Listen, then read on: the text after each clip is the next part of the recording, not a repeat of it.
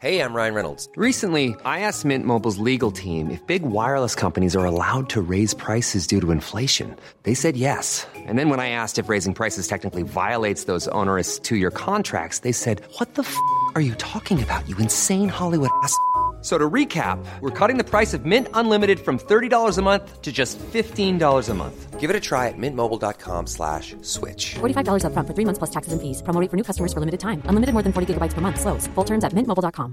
Quality sleep is essential. That's why the Sleep Number Smart Bed is designed for your ever evolving sleep needs. Need a bed that's firmer or softer on either side? Helps you sleep at a comfortable temperature? Sleep Number Smart Beds let you individualize your comfort so you sleep better together. JD Power ranks Sleep Number number 1 in customer satisfaction with mattresses purchased in-store. And now, save 50% on the Sleep Number limited edition Smart Bed for a limited time. For JD Power 2023 award information, visit jdpower.com/awards. Only at a Sleep Number store or sleepnumber.com. Planning for your next trip? Elevate your travel style with Quince. Quince has all the jet-setting essentials you'll want for your next getaway, like European linen, premium luggage options, buttery soft Italian leather bags, and so much more. And it's all priced at 50 to 80% less than similar brands. Plus, Quince only works with factories that use safe and ethical manufacturing practices. Pack your bags with high-quality essentials you'll be wearing for vacations to come with Quince. Go to quince.com slash trip for free shipping and 365-day returns.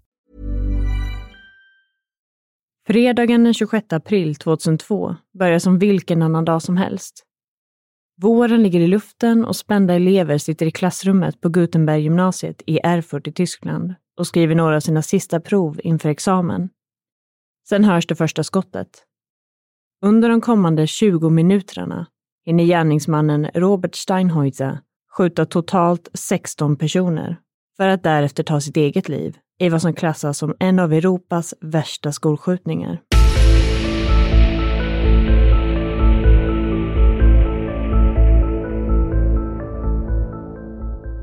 Hej och varmt välkomna ska ni vara till ännu ett avsnitt av Rysapodden. Och just den här veckan så ska vi prata om något som vi bara har gjort vid ett tidigare tillfälle, nämligen en skolattack, eller mer exakt en skolskjutning. Jag tror faktiskt att det var i vårt andra avsnitt till och med, så med andra ord var det ju ett bra tag sedan nu. Och när man hör ordet skolskjutningar så tänker ju väldigt många, inklusive vi själva, på just USA. Vilket egentligen inte är speciellt konstigt med tanke på att USA trots allt är det land som drabbats av den stora majoriteten av den här typen av händelse. Ja, och det var ju faktiskt så att när vi gjorde research inför det här avsnittet så hittade vi lite intressant information kring just det här fenomenet, eller vad man nu ska kalla det. Det var nämligen CNN som gjorde en jämförelse gällande skolskjutningar under tidsperioden 1 januari 2009 till den 21 maj 2018. Och jämförelsen var utifrån vissa särskilda kriterier på just definitionen av skolskjutningar. Och det var mellan USA och resterande delen av de andra så kallade G7-länderna. Det vill säga Kanada, Frankrike, Tyskland, Storbritannien, Japan och Italien.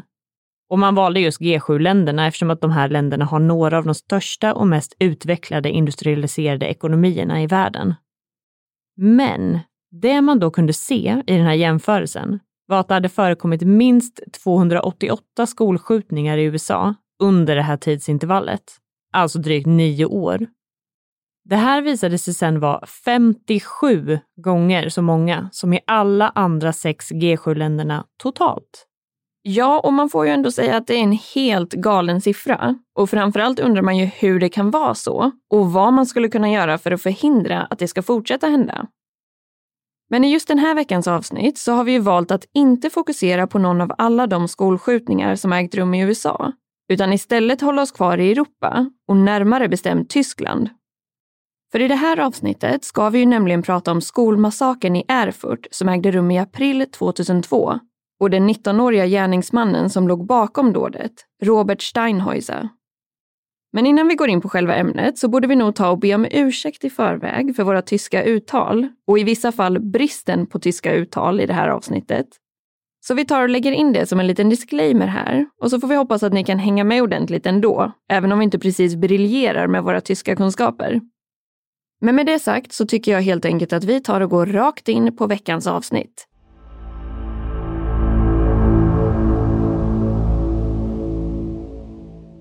Tyskland är en så kallad federalstat som består av 16 olika förbundsländer. Dessa 16 förbundsländer har sina egna författningar, parlament och regeringar. De har i sin tur mandat att fatta beslut inom vissa politiska områden, såsom kultur, skolväsen, socialpolitik, polisväsen och finans. En av dessa förbundsländer är Thüringen. Det är en plats med mycket kulturhistoria och flertalet imponerande slott och borgar.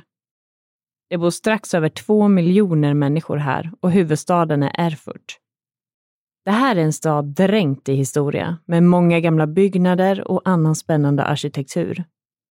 Bland annat så har de ett universitet där som öppnade år 1392 och där en av studenterna inte var någon mindre än prästen och munken Martin Luther. I staden Erfurt bor det drygt 200 000 personer. En av de här invånarna var Robert Steinhäuser som föddes den 22 januari 1983.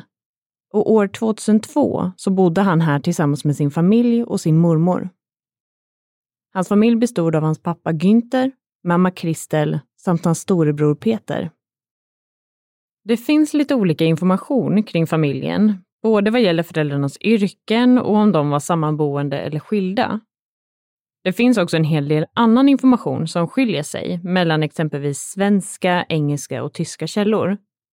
Vi har därför främst valt att gå på den informationen som kommer från tyska källor, för det är det som känns mest pålitligt i det här fallet. Men Roberts pappa Günther jobbade i alla fall som servicechef på Siemens och hans mamma Kristel jobbade som sjuksköterska. Familjen har beskrivits som en ganska så typisk medelklassfamilj och föräldrarna har i intervjuer efter händelsen beskrivit att de hade en bra relation till sin son. Robert har också beskrivits av klasskamrater som en intelligent och utåtriktad kille som gärna skämtade och pratade politik. I skolan så uppges han ha varit social och var oftast närvarande vid exempelvis fester eller andra sociala sammanhang. Det finns dock andra källor som beskriver Robert lite annorlunda, som någon som valde att stå lite utanför och inte gjorde så mycket väsen av sig. En klasskompis har i efterhand berättat att hon vid ett tillfälle hade stått och pratat med Robert och att han då ska ha pratat om att han ville bli berömd. Han ska då ha sagt någonting i stil med “Jag vill att alla ska veta vem jag är”. Hans intressen var bland annat att spela handboll och han spenderade även väldigt mycket tid framför datorn, där han kunde spela dataspel i timmar. Roberts mamma Kristel har senare beskrivit att de försökte att begränsa sina söners dataspelande och att det nästan blev som ett missbruk för framförallt Robert. Han satt vid datorn hela tiden. Vid ett tillfälle så ska det ha gått så pass långt att Kristel slet ut alla kablarna till datorn ur väggen de dataspel som Robert föredrog har beskrivits som ganska så våldsamma och var så kallade First Person Shooter-spel. Det var bland annat spel som Hitman och Half-Life. Robert hade också ett stort intresse för skjutvapen och var även utbildad sportskytt med licens för pistol. En tränare i skytteföreningen har beskrivit Robert som en helt vanlig skytteintresserad kille. Det fanns aldrig några misstankar hos honom om att det skulle vara något särskilt med Robert. När Robert gick i grundskolan så ska hans skolgång ha fungerat bra. Men när han började gymnasiet så förändrades det här. Och jag tänker att det kan vara bra att få en liten inblick i det tyska skolsystemet så här i början av avsnittet. Vi har försökt att förstå det tillräckligt väl för att kunna förklara och vi hoppas på att vi har lyckats. I Tyskland så satsar man mycket på det akademiska och de har först det som vi kallar för grundskola och som för dem är Grundschule vilket är upp till att man ska fylla tio år. Därefter så sker två år av så kallat orienteringsstadie, där lärarna har möjlighet att följa eleverna och bedöma deras akademiska kompetenser, för att sedan kunna ge eleven och föräldrarna råd om vilken fortsatt akademisk väg man ska ta. Det här är dock föräldrarnas val i slutändan. Och som vi har förstått det så är vissa av de här skolorna mer praktiska än andra och vissa är mer akademiska. Det som ses som det mest akademiska valet är det som kallas för gymnasium. Beroende på vilken skola man då har valt så tar man examen vid olika åldrar, men någonstans mellan 16 år och 18-19 år. Det här i sin tur ger också olika typer av möjligheter med de olika examen som man då har. En av de skolorna där man tar examen vid 18-19 år är det som kallas gymnasium och det avslutas med att man tar ett examensprov för att få det som kallas för abitur. Klarar man detta har man en examen som sedan möjliggör för vidare universitetsstudier. Robert gick inledningsvis på en så kallad realschule som har mycket fokus på praktisk lära, men också en del teori. Men den här skolan var känd för att vara ganska stökig och det var en hel del elever som misskötte sig där. Roberts föräldrar valde därför att förflytta honom till Gutenberggymnasiet som är mer fokuserat på högre akademiska studier. Det här i sin tur ledde, inte helt oväntat, till en hel del press. Någonting som inte fungerade så bra för Robert. Han skolkade ofta och uppges ha haft en väldigt dålig attityd gentemot sina lärare. När han väl var på lektionen så kom han vanligtvis sent och drev dessutom ofta med lärarna. Han ska även på en klassresa till Berlin ha format sin hand som ett vapen, sagt någonting i stil med “jag tar hand om dig” och siktat mot en lärare. Den här händelsen ska ha ägt rum drygt två år innan skolskjutningen. Till slut ledde Roberts beteende till allvarliga konsekvenser. I slutet av 2001 så hade han nämligen blivit avstängd utifrån sin höga frånvaro och för att han hade förfalskat ett läkarintyg. Problemet med det här var att Robert ett halvår senare skulle ta sin examen och få sin abiturkvalifikation. Men eftersom att han nu var avstängd så skulle han inte få möjligheten att göra de här slutproven. Och vid den här tidpunkten i Thüringen så fanns det nämligen inga möjligheter att kunna göra det här provet på annat sätt. Och utan en gymnasieexamen så försämrades möjligheten att få jobb ganska så radikalt.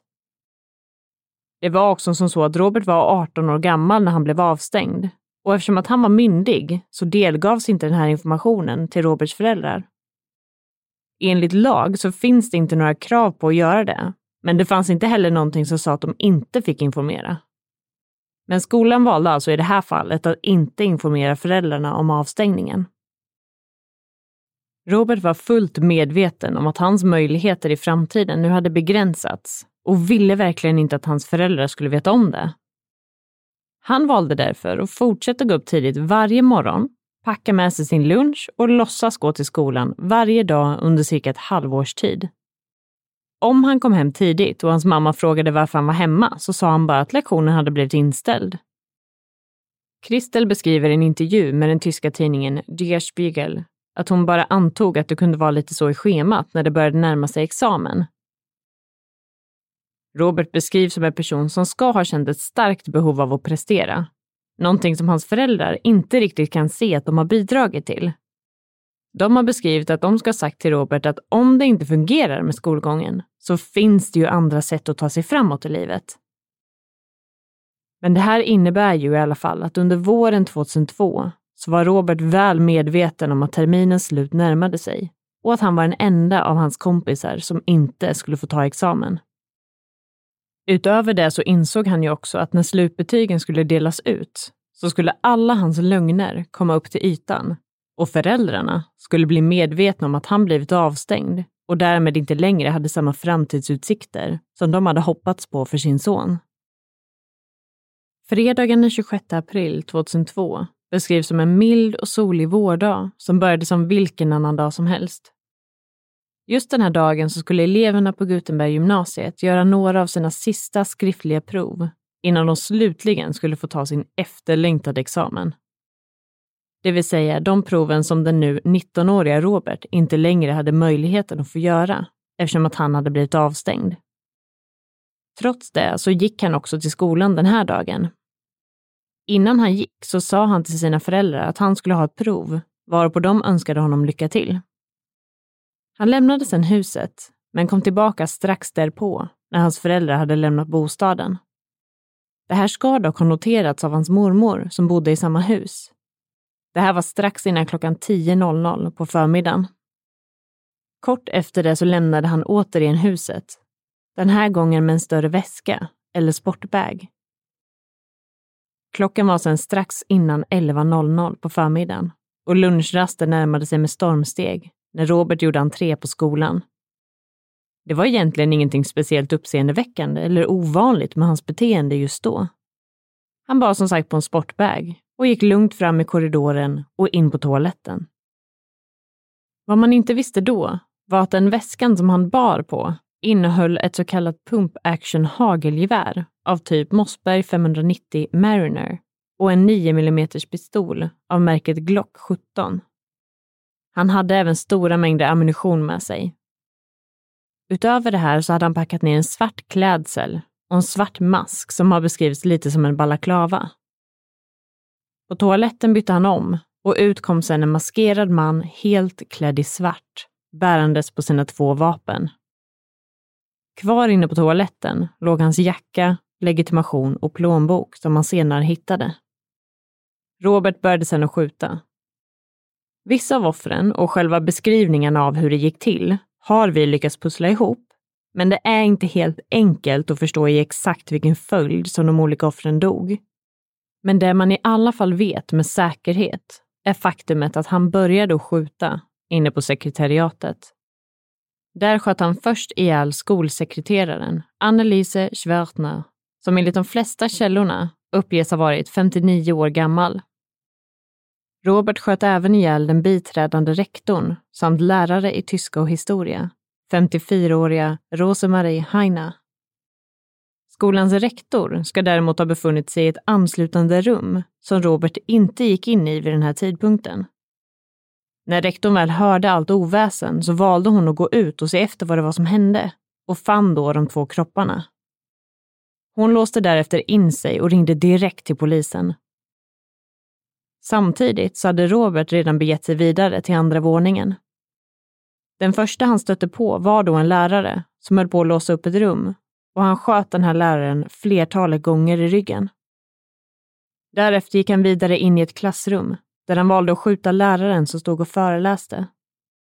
Det här skedde alltså mitt framför ögonen på alla de eleverna som satt på lektionen. Elever har i efterhand beskrivit att Robert ignorerade dem helt och hade fullt fokus på lärarna. Det var dem som han var ute efter. Nu började dock allt fler elever och lärare reagera på skotten. En lärare som utifrån de beskrivningarna som vi har läst bör ha varit den 59-åriga biologiläraren Heidemarie Sicker. Hon befann sig inne i ett närliggande klassrum. Hon bestämde sig då för att gå ut i korridoren för att undersöka vad det var som hände. Hon mötte då Robert och så fort han fick syn på henne så sköts hon flertalet gånger. Efter det här så begav sig Robert upp en våning till och gick först in i två olika klassrum. I dessa så fanns det elever, men inga lärare, varpå Robert inte sköt någon utan bara gick vidare. Han mötte sedan en lärare i korridoren som han sköt fem gånger. Nästa klassrum som Robert gick in i fanns det både elever och en lärare som stod och föreläste. Även den här läraren sköts fem gånger framför ögonen på sina elever. Robert gick därefter in i klassrummet mitt emot, men sköt ingen där, trots att det fanns en lärare där inne. Det här tros bero på att just den här läraren var så pass ung och därav smälte in betydligt bättre med eleverna. Robert gick sen upp ytterligare en våning där han återigen sköt en lärare i ett klassrum. En annan lärare ska sedan ha kommit upp till samma våning för att se efter vad det var för oväsen. Men Robert ska då bara ha ignorerat den här personen och gått vidare. Därefter sköt han ytterligare två lärare som han mötte. När Robert sen var på väg ner för trappan igen, till första våningen, så skjuter han ytterligare en lärare. Vid det här laget så hade alla börjat inse vad det var som hände och folk hade därför börjat fly från skolan, eller i vissa fall barrikaderat in sig i olika rum.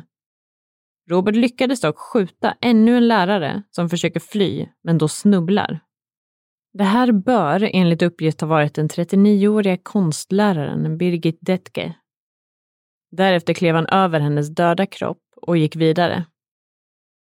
Den lärare som Robert tidigare hade ignorerat hade nu tagit sig in i sitt klassrum och barrikaderat in sig själv och sin klass där. När Robert misslyckades med att ta sig in i rummet så valde han istället att skjuta flera gånger genom dörren. Det här i sin tur ledde till att två unga elever sköts till döds. Det här var 14-åriga Susanne Hartung och 15-åriga Ronny Möckel. Efter det här återvände Robert ner till första våningen igen och sköt igenom en toalettdörr. Kulan träffade då en elevs ryggsäck medan eleven stod och tvättade händerna. Därefter valde Robert att gå ut på skolgården där han får syn på en lärare som har varit behjälplig i att evakuera elever. Den här läraren hade jobbat extremt hårt och upprepade gånger uppmanat eleverna att lämna skolgården. Robert valde att skjuta den här personen också. Allt det här, från första skottet fram till nu, har gått på bara några minuter. Vid det här laget så har den första polisbilen anlänt till platsen och Robert skjuter då mot dem och de skjuter tillbaka. Varken han eller poliserna skadas dock vid det här tillfället. När Robert förstod att polis var på plats så gick han återigen in i skolbyggnaden. Där lutar han sig sedan ut genom ett fönster, riktar pistolen mot en av poliserna och skjuter. Den här polisen blir då skjuten i huvudet och dör direkt. Hans namn var Andreas Gorski. Han var 41 år gammal och lämnade efter sig sin fru och två barn. Samma dag var det planerat att han skulle åka hem efter jobbet för att fira sin dotters födelsedag. Efter det här så möter Robert historieläraren Rainer Heise utanför ett klassrum. Vid det här laget så har han också tagit av sig sin mask och läraren kände därför igen honom.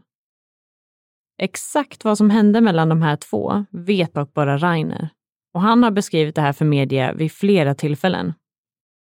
Han har sagt att han förstod att det var gärningsmannen han stod ansikte mot ansikte med. Och Robert var dessutom hans gamla elev. Han ska då ha kollat Robert rakt i ögonen och sagt någonting i stil med följande. Sikta på mig och avfyra vapnet så skjuter du mig idag. Men se mig i ögonen när du gör det. Robert ska då ha svarat honom genom att säga Herr Heise, det är tillräckligt för idag. Rainer ska sedan ha tagit med Robert till ett närliggande klassrum för att prata. När Robert öppnade dörren och började gå in till klassrummet så ska Rainer ha puttat in honom i rummet och låst dörren. Kort därefter hörs ett skott och när polisen senare genomsökte skolan så upptäcker man Roberts kropp i klassrummet och han har tagit sitt eget liv. Eftersom man vet att han steg in på skolan strax innan klockan 11.00 så vet man också att det sannolikt inte gick mer än totalt 20 minuter från det att Robert sköt sitt första skott till dess att han tog sitt eget liv. Men under de här 20 minuterna så förlorade 12 lärare, en skolsekreterare, två elever och en polis sina liv. Under skolskjutningen och tiden därefter så hade flera elever barrikaderat sig i sina klassrum. De kunde inte ledas ut ur skolbyggnaden förrän senare under eftermiddagen när polisen hade säkrat hela byggnaden. Vid det här laget så tvingades de passera flertalet dödsoffer på vägen ut. Informationen om att en skolskjutning hade ägt rum på Gutenberggymnasiet spred sig fort och oroliga föräldrar väntade på besked om hur det hade gått för deras barn. Bland dessa föräldrar fanns Günther och Christel Steinhäuser som hörde om skolskjutningen på radion när de satt i bilen. Det talades då om två olika gärningspersoner. De åkte direkt till skolan och försökte desperat att ringa till Robert för att bekräfta att han var okej. Okay. Efter en tid så blev de tvungna att återvända hem till bostaden och satt därefter i flera timmar i väntan på besked. Polisen anlände sen till deras hem runt klockan sex på kvällen och delgav dem information om att inte bara hade deras son dött den här dagen. Han var dessutom anledningen till att 16 personer hade mist sina liv. Det sista offret sköts av Robert cirka kvart över elva på förmiddagen. Det var polismannen, Andreas Gorski. Inledningsvis trodde man inte att det var mer än ett par personer som hade dött. Det tar fram till ungefär halv fyra på eftermiddagen innan det står klart för invånarna i Erfurt och resten av världen hur illa det faktiskt är. Nämligen att 17 personer hade mist sina liv, inklusive gärningsmannen själv. De personer som miste sina liv den här dagen, förutom Robert själv, var följande. Biträdande rektorn samt tyska och historieläraren Rosemarie Heina, 54 år gammal. Tyska och historieläraren Heidrun Baumbach, 56 år gammal. Biologi och kemiläraren Monica Burkhardt, 49 år gammal. Konstläraren Birgit Detke, 39 år gammal. Franska läraren Yvonne Sofia Fulge 38 år gammal. Tyska och konstläraren Gabriele Clement, 43 år gammal. Biologi och kemiläraren Hans Lippe, 44 år gammal. Matte och fysikläraren Helmut Schwarze, 54 år gammal. Matte och fysikläraren Hans Joachim Schwartfeger, 44 år gammal. Biologiläraren Heidemarie Zicker, 59 år gammal. Matte och fysikläraren Peter Wolf, 60 år gammal. Lärarstudenten Carla Pott, 27 år gammal. Utöver de här 12 lärarna förlorade även 59-åriga skolsekreteraren Annelise Schwertner, eleverna Susanne Hartung, 14 år, och Ronny Möckel, 15 år, sina liv. Och som sagt blev det allra sista offret den 41-åriga polismannen Andreas Gorski.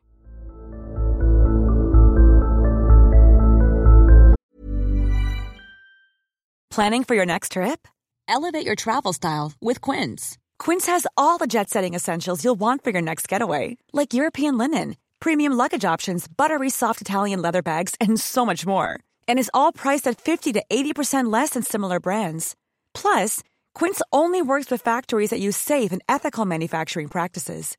Pack your bags with high-quality essentials you'll be wearing for vacations to come with Quince. Go to quince.com/pack for free shipping and 365-day returns. A lot can happen in 3 years. Like a chatbot may be your new best friend. But what won't change? Needing health insurance. United Healthcare tri-term medical plans underwritten by Golden Rule Insurance Company offer flexible, budget-friendly coverage that lasts nearly 3 years in some states. Learn more at uh1.com.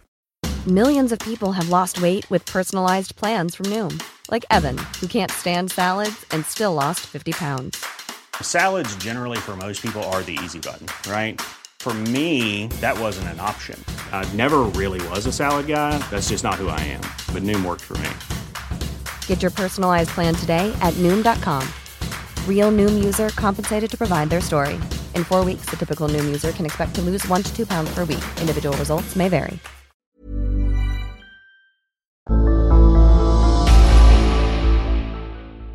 När polisen väl hade fastställt att det handlade om en enskild gärningsman så kunde de nu utreda vidare vem Robert Steinhäuser var och vad hans motiv för skolskjutningen kunde ha varit. När utredningen påbörjades så sökte de bland annat igenom Roberts rum. De upptäckte då stora mängder av ammunition och väldigt många våldsamma filmer och dataspel. En av de filmerna som polisen ska ha hittat handlade om skolskjutningen på Columbine High School. De hittar däremot ingenting som tyder på att Robert skulle ha delat sina planer med någon annan. Det enda man upptäckt är att Robert, dagen innan skolskjutningen, ska ha skickat ett sms till en av sina kompisar och skrivit att han inte skulle gå till skolan under fredagen den 26 april. Att fastställa ett tydligt motiv för skolskjutningen visade sig vara desto svårare. Robert hade nämligen inte lämnat någonting efter sig som förklarade hans beteende den här dagen. Man utgår dock ifrån att anledningen är kopplad till det faktum att Robert hade blivit avstängd från skolan och inte längre kunde få sin examen. Detta i sin tur gjorde såklart att hans möjligheter till anställning och en bra framtid inte såg speciellt lovande ut. Teorin är då att det här ska ha skapat en offerkänsla och en känsla av hopplöshet hos Robert, som slutligen ledde till att han fattade det här fruktansvärda beslutet. Roberts familj hade det oerhört tufft efter skolskjutningen. Även de letade såklart efter förklaringar till varför han skulle ha valt att göra som han gjorde. Hans mamma Kristel ska i intervjuer ha sagt att de granskat sig själva och känt att de kanske inte riktigt hade funnits där för sin son tiden innan skolskjutningen. Att han kanske inte hade känt att han kunde prata med dem längre och att förtroendet var borta. Det i sin tur kan ju eventuellt ha lett till en så pass stark känsla av ensamhet att han inte längre såg någon annan utväg. I den tidigare nämnda intervjun med tidningen Der Spiegel så säger Günther att det var uppenbart att det var lärarna han ville åt. Eleverna var troligtvis bara ett misstag eftersom att de sköts genom dörren. Utifrån detta uppger Günther att Robert måste ha haft ett djupt hat för sina lärare. Något som föräldrarna aldrig uppfattat när de pratat med honom. Efter skolskjutningen så valde familjen att utfärda ett uttalande med följande budskap. Vi kommer för alltid att vara ledsna att vår son och broder har skapat ett sånt hemskt lidande för offer och släktingar, för människor i Erfurt och Thüringen och över hela Tyskland. Familjen har valt att bo kvar i samma hus i Erfurt, även om det fanns tankar på att de skulle lämna staden. De ska sedan ha insett att om de inte kunde leva där så kunde de inte leva alls. De kan inte fly ett minne och det kommer att komma ikapp oavsett vart de väljer att bo. Intervjun som görs med Roberts föräldrar i Der Spiegel sker ungefär ett år efter skolskjutningen.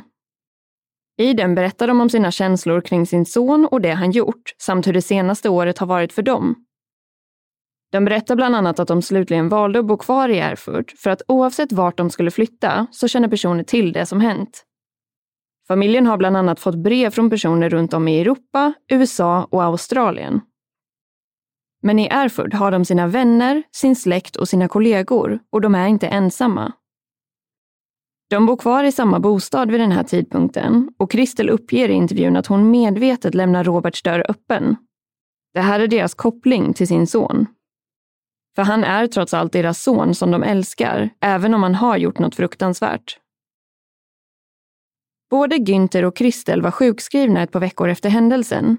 Och Günther beskriver att när han kom tillbaka till jobbet så var han där fysiskt, men att han inte var redo mentalt. Kristel bekräftar sin man i det här och beskriver att det nu har börjat bli lite ljusare och att hon nu även klarar av att skämta lite med sina patienter på sjukhuset igen. De beskriver också att det sista de tänker på innan de går och lägger sig och det första de tänker på när de vaknar är Robert och vad de som föräldrar hade kunnat göra annorlunda.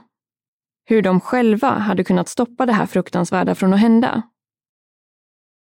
Kristel beskriver också att det hände en hel del i hennes liv under den här perioden. Det var bland annat hektiskt på jobbet och hon förlorade sin pappa. Vilket gör att hon kanske inte tog sig tiden att lyssna på sin son och att hon kanske skällde mer än vad hon lyssnade. Hon beskriver att Robert en dag satt vid köksbordet och sa att det inte finns någon mening med något. Det här var ett uttalande som hon bara hade viftat bort då, vilket hon ångrar djupt idag. Hon minns också den sista dagen och det sista samtalet hon hade med sin son. Han hade sagt att han skulle göra några sista prov inför examen. Kristel ska då ha svarat något i stil med “Idag är det äntligen över” och då menat att skolan snart var över. Robert ska då ha svarat “Ja, det är slutet på det”. Något som känns som ett fullt rimligt svar i den kontexten. Men idag vet Kristel vad han faktiskt menade med det här svaret och vad han måste ha tänkt när han sa så. Under söndagen den 28 april, alltså två dagar efter skolskjutningen, så hölls en presskonferens där bland annat eleven Michaela Seidel höll ett tal. I det här talet så grät hon och pratade om tre av de lärare som förlorat sina liv under fredagen. Dessa var hennes mattelärare, biologilärare och framförallt pratade hon om skolans biträdande rektor som var ett av de första offren, nämligen Rosemarie Heina. Michaela beskriver i sitt tal att hon var en person som alltid fanns där för eleverna och som kände alla på skolan. Veckan efter skolskjutningen så låg fokuset på att hjälpa elever, lärare och familjerna att hantera det trauma som de hade upplevt. Samtidigt började det samlas blomsterkransar vid ingången till skolan. En av kransarna hade en bild på en av lärarna tillsammans med följande text. Varför behövde du dö? Ingen förtjänar detta. Mamma, jag älskar dig. Jag har alltid älskat dig. Oavsett hur tuffa tiderna har varit så älskade jag dig. Franziska.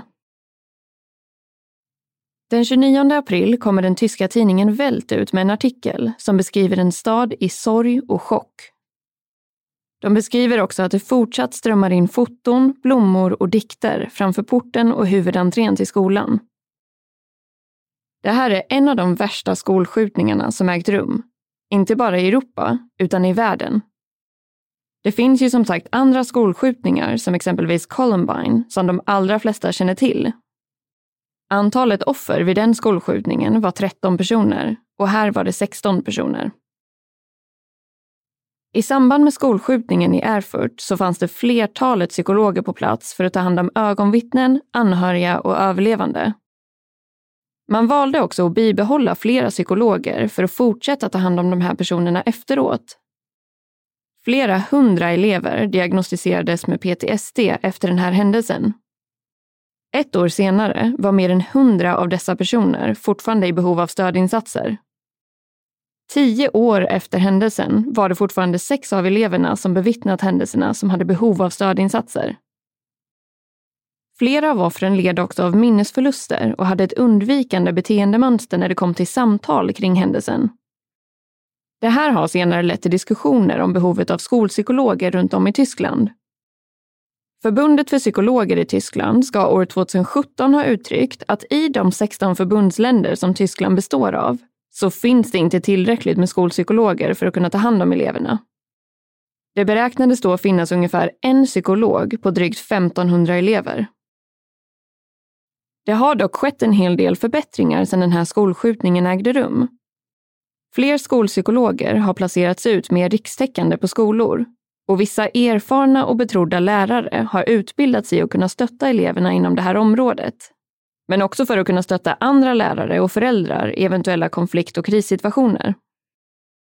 Anledningen till de här insatserna är bland annat för att förebygga att en elev hamnar i en sån typ av negativ spiral som Robert antas ha gjort. Det genomfördes också en utredning som granskade hela den här händelsen som presenterades i form av en rapport i maj år 2004. Där fick skolans ledning kritik gällande Roberts avstängning och det faktum att hans föräldrar inte blev informerade om det här beslutet, vilket de enligt den här rapporten borde ha blivit. Det här i sin tur ledde till att Roberts föräldrar inte visste om att han inte gick till skolan och därmed inte heller kunde fånga upp honom i detta. I intervjun som föräldrarna gjorde med Der Spiegel så bekräftar Günther och Kristel detta. De är dock väldigt tydliga med att de inte vill anklaga skolan på något vis eftersom att de agerade inom regelverket som fanns. Robert var trots allt 18 år gammal och det fanns därför ingen skyldighet att informera föräldrarna om avstängningen.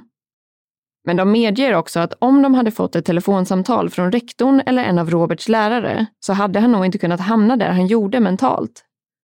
Hans tankar om hämnd och ensamhet hade inte kunnat gro på samma sätt eftersom att de troligtvis då hade kunnat fånga upp honom betydligt tidigare och bättre än de gjorde. Men den här skolskjutningen ledde till en hel del förändringar både inom skolväsendet och politiskt. Bland annat så etablerades ett nytt kodord som kunde skickas ut i högtalarna för att varna lärare om att en skolskjutning hade påbörjats. Man skulle då säga frasen “Mrs Coma is coming” Och just ordet koma, eller koma, är ju amok baklänges. Och amok brukar ju användas för att beskriva någon som beter sig extremt okontrollerat och farligt. Det här kodordet användes senare vid en skolattack i staden Vinnenden år 2009. Om ett så kallat amoklarm går ut i högtalarna så ska lärare omedelbart låsa sina klassrumsdörrar och hålla kontakt via mobil med sekreterarkontoret alla studenter ska också stänga av sina mobiltelefoner för att inte överbelasta mobilnätet. Personer får inte heller stå framför dörrar eller fönster. Och den här regeln är ju baserad på de två elever som dog i samband med att de gömde sig bakom en dörr som sköts igenom. Många skolor har också betydligt säkrare lås på dörrarna och nyupprättade beredskapsplaner det har också skett en del förändringar i något som kallas för Thuringian School Act eller the Thuringian Higher Education Act. Det var som sagt så att vid tidpunkten för den här skolskjutningen så fanns det inte i just Thüringen en möjlighet att få sin examen på annat vis än genom att faktiskt ta examen. Det gick alltså inte att kompletteras på annat vis, vilket gjorde att om man misslyckades med sina prov, eller som i Roberts fall blev avstängd, så fanns det inte så ljusa framtidsutsikter vad gäller jobb det här har idag ändrats och det finns nu flera olika möjligheter till att kunna få sin examen för att senare kunna studera vidare på universitet och högskola. Redan innan den här skolskjutningen så fördes politiska diskussioner gällande Tysklands vapenlagar. Men efteråt så intensifierades såklart de här diskussionerna allt mer. Man valde därför att skärpa flera av de befintliga vapenlagarna. År 2003 så höjde man bland annat minimiåldern för att äga ett grovkalibrigt vapen från 18 till 21 år. Är man sportskytt och under 25 år gammal, som Robert var, så ska man genomgå ett antal psykologiska test innan man kan få sitt vapentillstånd. Så kallade pump action-skjutvapen blev dessutom helt och hållet förbjudna. I Tyskland är det också så att det finns två olika typer av vapentillstånd. Det ena är ett vapenägarbevis som behövs för att kunna köpa eller äga ett vapen. Det andra är en vapenlicens som krävs för att kunna hantera ett skjutvapen utanför ens egen bostad eller tjänsterum, så exempelvis i sammanhang som rör jakt. De här två tillstånden måste dessutom förnyas enligt olika tidsintervaller. I samband med den här skolskjutningen implementerades också en del förändringar i hur poliser ska agera när de hamnar i en situation som involverar en gärningsman med skjutvapen. I det här fallet så inväntade man insatsstyrkan och de rörde sig sedan från rum till rum för att söka igenom skolan, vilket ledde till att flera offer i behov av vård tvingades vänta. Men idag är det istället så att även den så kallade vanliga polisen ska gå in i byggnaden och konfrontera gärningspersonen för att inte förlora avgörande tid. I den här rapporten som lades fram så framkom det även en del frågor kring Roberts innehav av olika våldsamma dataspel och filmer. Man lyfte då till diskussion just våldet i dataspel som bland annat Hitman och Half-Life och vilka kontroller som utfördes vid försäljning av den här typen av spel. Även filmer som Robert ägde kom upp för diskussion, som bland annat Fight Club, Predator och Desperado. Men i det här är det ju dock viktigt att poängtera att det inte finns någonting vetenskapligt som bevisar att det finns ett samband mellan våldsamma spel och filmer och våldsamma personer. Det finns inget som säger att tonåringar som spelar den typen av dataspel eller ser den typen av filmer sen växer upp och blir mördare. Men trots detta så pågår såklart de här diskussionerna än idag och kommer säkerligen att fortsätta göra det under lång tid framöver också. Även om det här i alla fall för oss var ett relativt okänt fall så finns det såklart en hel del medierapportering och andra typer av material tillgängligt därute kring just skolskjutningen i Erfurt. Bland annat så har Roberts påstådda sista ord, Für heute reicht's, alltså det räcker för idag, blivit titeln på en bok som är skriven av Ines Geipel. I den här boken, som har blivit ganska kontroversiell, så får polisen en hel del kritik utifrån hur de agerade under skolskjutningen. Eller rättare sagt att de tog ganska lång tid på sig innan de gick in i byggnaden och att de i och med det tillät Robert att fortsätta skjuta. Det ska också finnas en dokumentär om det här fallet vars tyska titel är Amok in der Schule. Den engelska titeln uppges däremot vara Tragic School Shooting, The Actions of Robert Steinhauser. Det ska dock sägas att vi inte har lyckats se den här dokumentären eftersom den inte verkar finnas tillgänglig i alla länder och regioner. Den läraren som stötte på Robert precis i slutet av skolskjutningen blev också ganska känd i Tyskland efter händelsen och kallades bland annat för Erfurts motvilliga hjälte. Han intervjuades av flertalet olika medier och som i många fall när någon går ut och pratar publikt så kan det slå tillbaka på olika sätt. Vilket det också gjorde i det här fallet. Det fanns tydligen en del frågor och spekulationer kring vad som exakt hände mellan Robert och den här läraren, Rainer Heise, i just den där avgörande stunden. Polisen har nämligen beskrivit att det finns en del motsägelser i vad man har kunnat styrka och det som Rainer själv har berättat ska ha hänt. Rektorn på skolan ska bland annat också ha sagt att hon anser att han kanske skulle ha kunnat vara en något tystare hjälte. I en artikel skriven av tidningen Irish Times så framgår det att Rainer själv beskriver att hans liv nu är ett rent helvete. Han förklarar bland annat att han får telefonsamtal med dödshot och att han blir spottad på när han är ute på stan. I den här artikeln, som är publicerad i maj 2002, så inte långt alls efter själva skolskjutningen, så beskrivs det att Roberts pappa till och med har gått ut och bett allmänheten att lämna Rainer i fred. Han säger då att det inte får finnas fler offer i detta och att Rainer är rädd för sitt eget liv. Den sista frågan som ställs till Roberts föräldrar i intervjun för tidningen Der Spiegel är om de hatar sin son och om de har kunnat sörja hans död. Kristel uppger att det har tagit lång tid att både bearbeta det han gjorde och även sörja faktumet att han är död. Günther säger då att den första känslan var att han var skyldig till ett fruktansvärt brott. Att han var död kunde de inte ens ta in då. Han citeras också med att säga följande. Man står på begravningen och vet att ens barn ligger i den där kistan, men du kan ändå inte ta in det.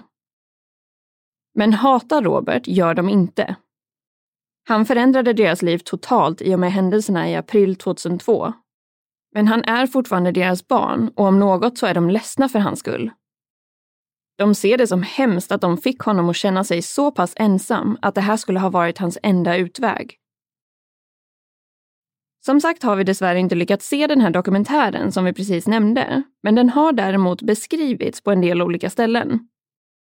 Då uppges det att den här dokumentären börjar och slutar med två stycken som är tagna ur en skoluppgift som Robert skrev drygt två år innan skolskjutningen ägde rum.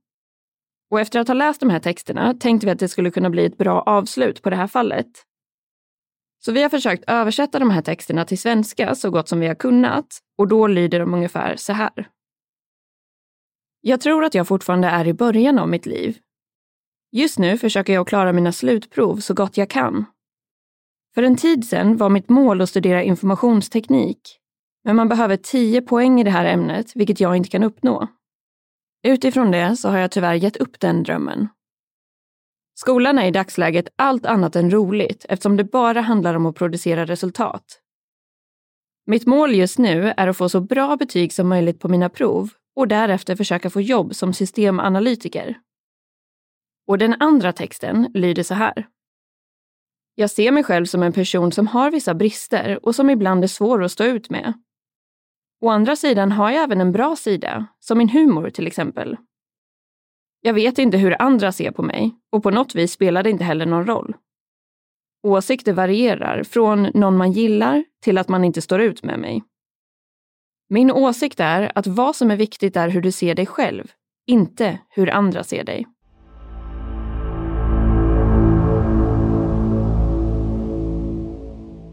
Jag tror nog att vi sa exakt samma sak senaste gången vi gjorde ett avsnitt om skolskjutningar. Men hur kan man inte ha hört talas om det här? För det känns ju som att mer eller mindre alla vet vad Columbine-massakern är för någonting. Och det här är ju en händelse med fler offer, men som också är betydligt närmare rent geografiskt för oss här hemma i Sverige. Ja, det är ju faktiskt väldigt märkligt att man kan ha missat en sån här typ av händelse. Och det här är ju bara en teori, men med största sannolikhet grundar det sig troligtvis egentligen helt och hållet i vad media faktiskt väljer att publicera. För det känns ju som att man av någon anledning har ett väldigt stort intresse för allt som sker i just USA. Och att det ibland till och med står högre än vad som händer i vår egen världsdel. Sen är ju också USA ett land som ofta filmatiserar och gör dokumentärer om större händelser. Så jag tänker att det också kan bidra till att det finns så mycket mer information där ute kring exempelvis skolskjutningarna på Columbine High School och Virginia Tech. Det är nog mycket möjligt att det är så. Och sen är det ju klart att man ofta hittar mer information om olika fall när det finns engelskspråkiga källor som har rapporterat om det. Vilket också är anledningen till att vi inte har med så många fall från länder som exempelvis Tyskland i podden. Men ni lyssnare kanske sitter på en väldigt bra förklaring till varför man ibland är så pass mycket mer insatt i vad som sker i exempelvis USA än i sin egen världsdel. Eller så kanske ni redan hade full koll på det här fallet och inte håller med oss alls. Men har ni några intressanta tankar eller andra funderingar så är det bara att ni hör av er. Till exempel genom att kommentera på själva avsnittsbilden som vi har lagt upp i morse eller genom att skicka oss ett DM på Facebook eller Instagram. Och där heter vi såklart Rysapodden för er som har missat det. Yes, och det är alltid väldigt intressant för oss att ta del av era tankar och att starta upp lite av en diskussion efter avsnitten. Men nu har det ju dessvärre blivit dags för oss att runda av för den här veckan. Men förhoppningsvis så hörs vi nästa måndag igen. Och i vanlig ordning vill vi skicka med ett stort tack för att just du har valt att lyssna på det här avsnittet av Rysapodden.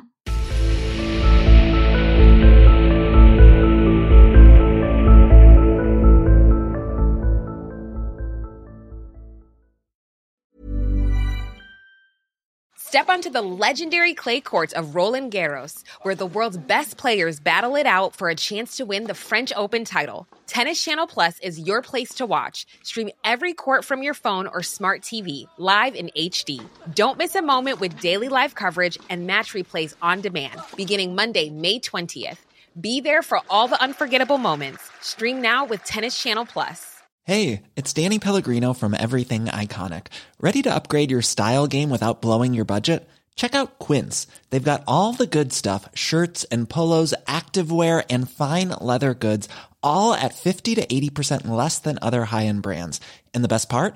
They're all about safe, ethical, and responsible manufacturing. Get that luxury vibe without the luxury price tag. Hit up quince.com slash upgrade for free shipping and 365 day returns on your next order. That's quince.com slash upgrade. Hold up. What was that? Boring. No flavor. That was as bad as those leftovers you ate all week. Kiki Palmer here, and it's time to say hello to something fresh and guilt-free. Hello Fresh. Jazz up dinner with pecan-crusted chicken or garlic butter shrimp scampi. Now that's music to my mouth. Hello Fresh. Let's get this dinner party started. Discover all the delicious possibilities at hellofresh.com.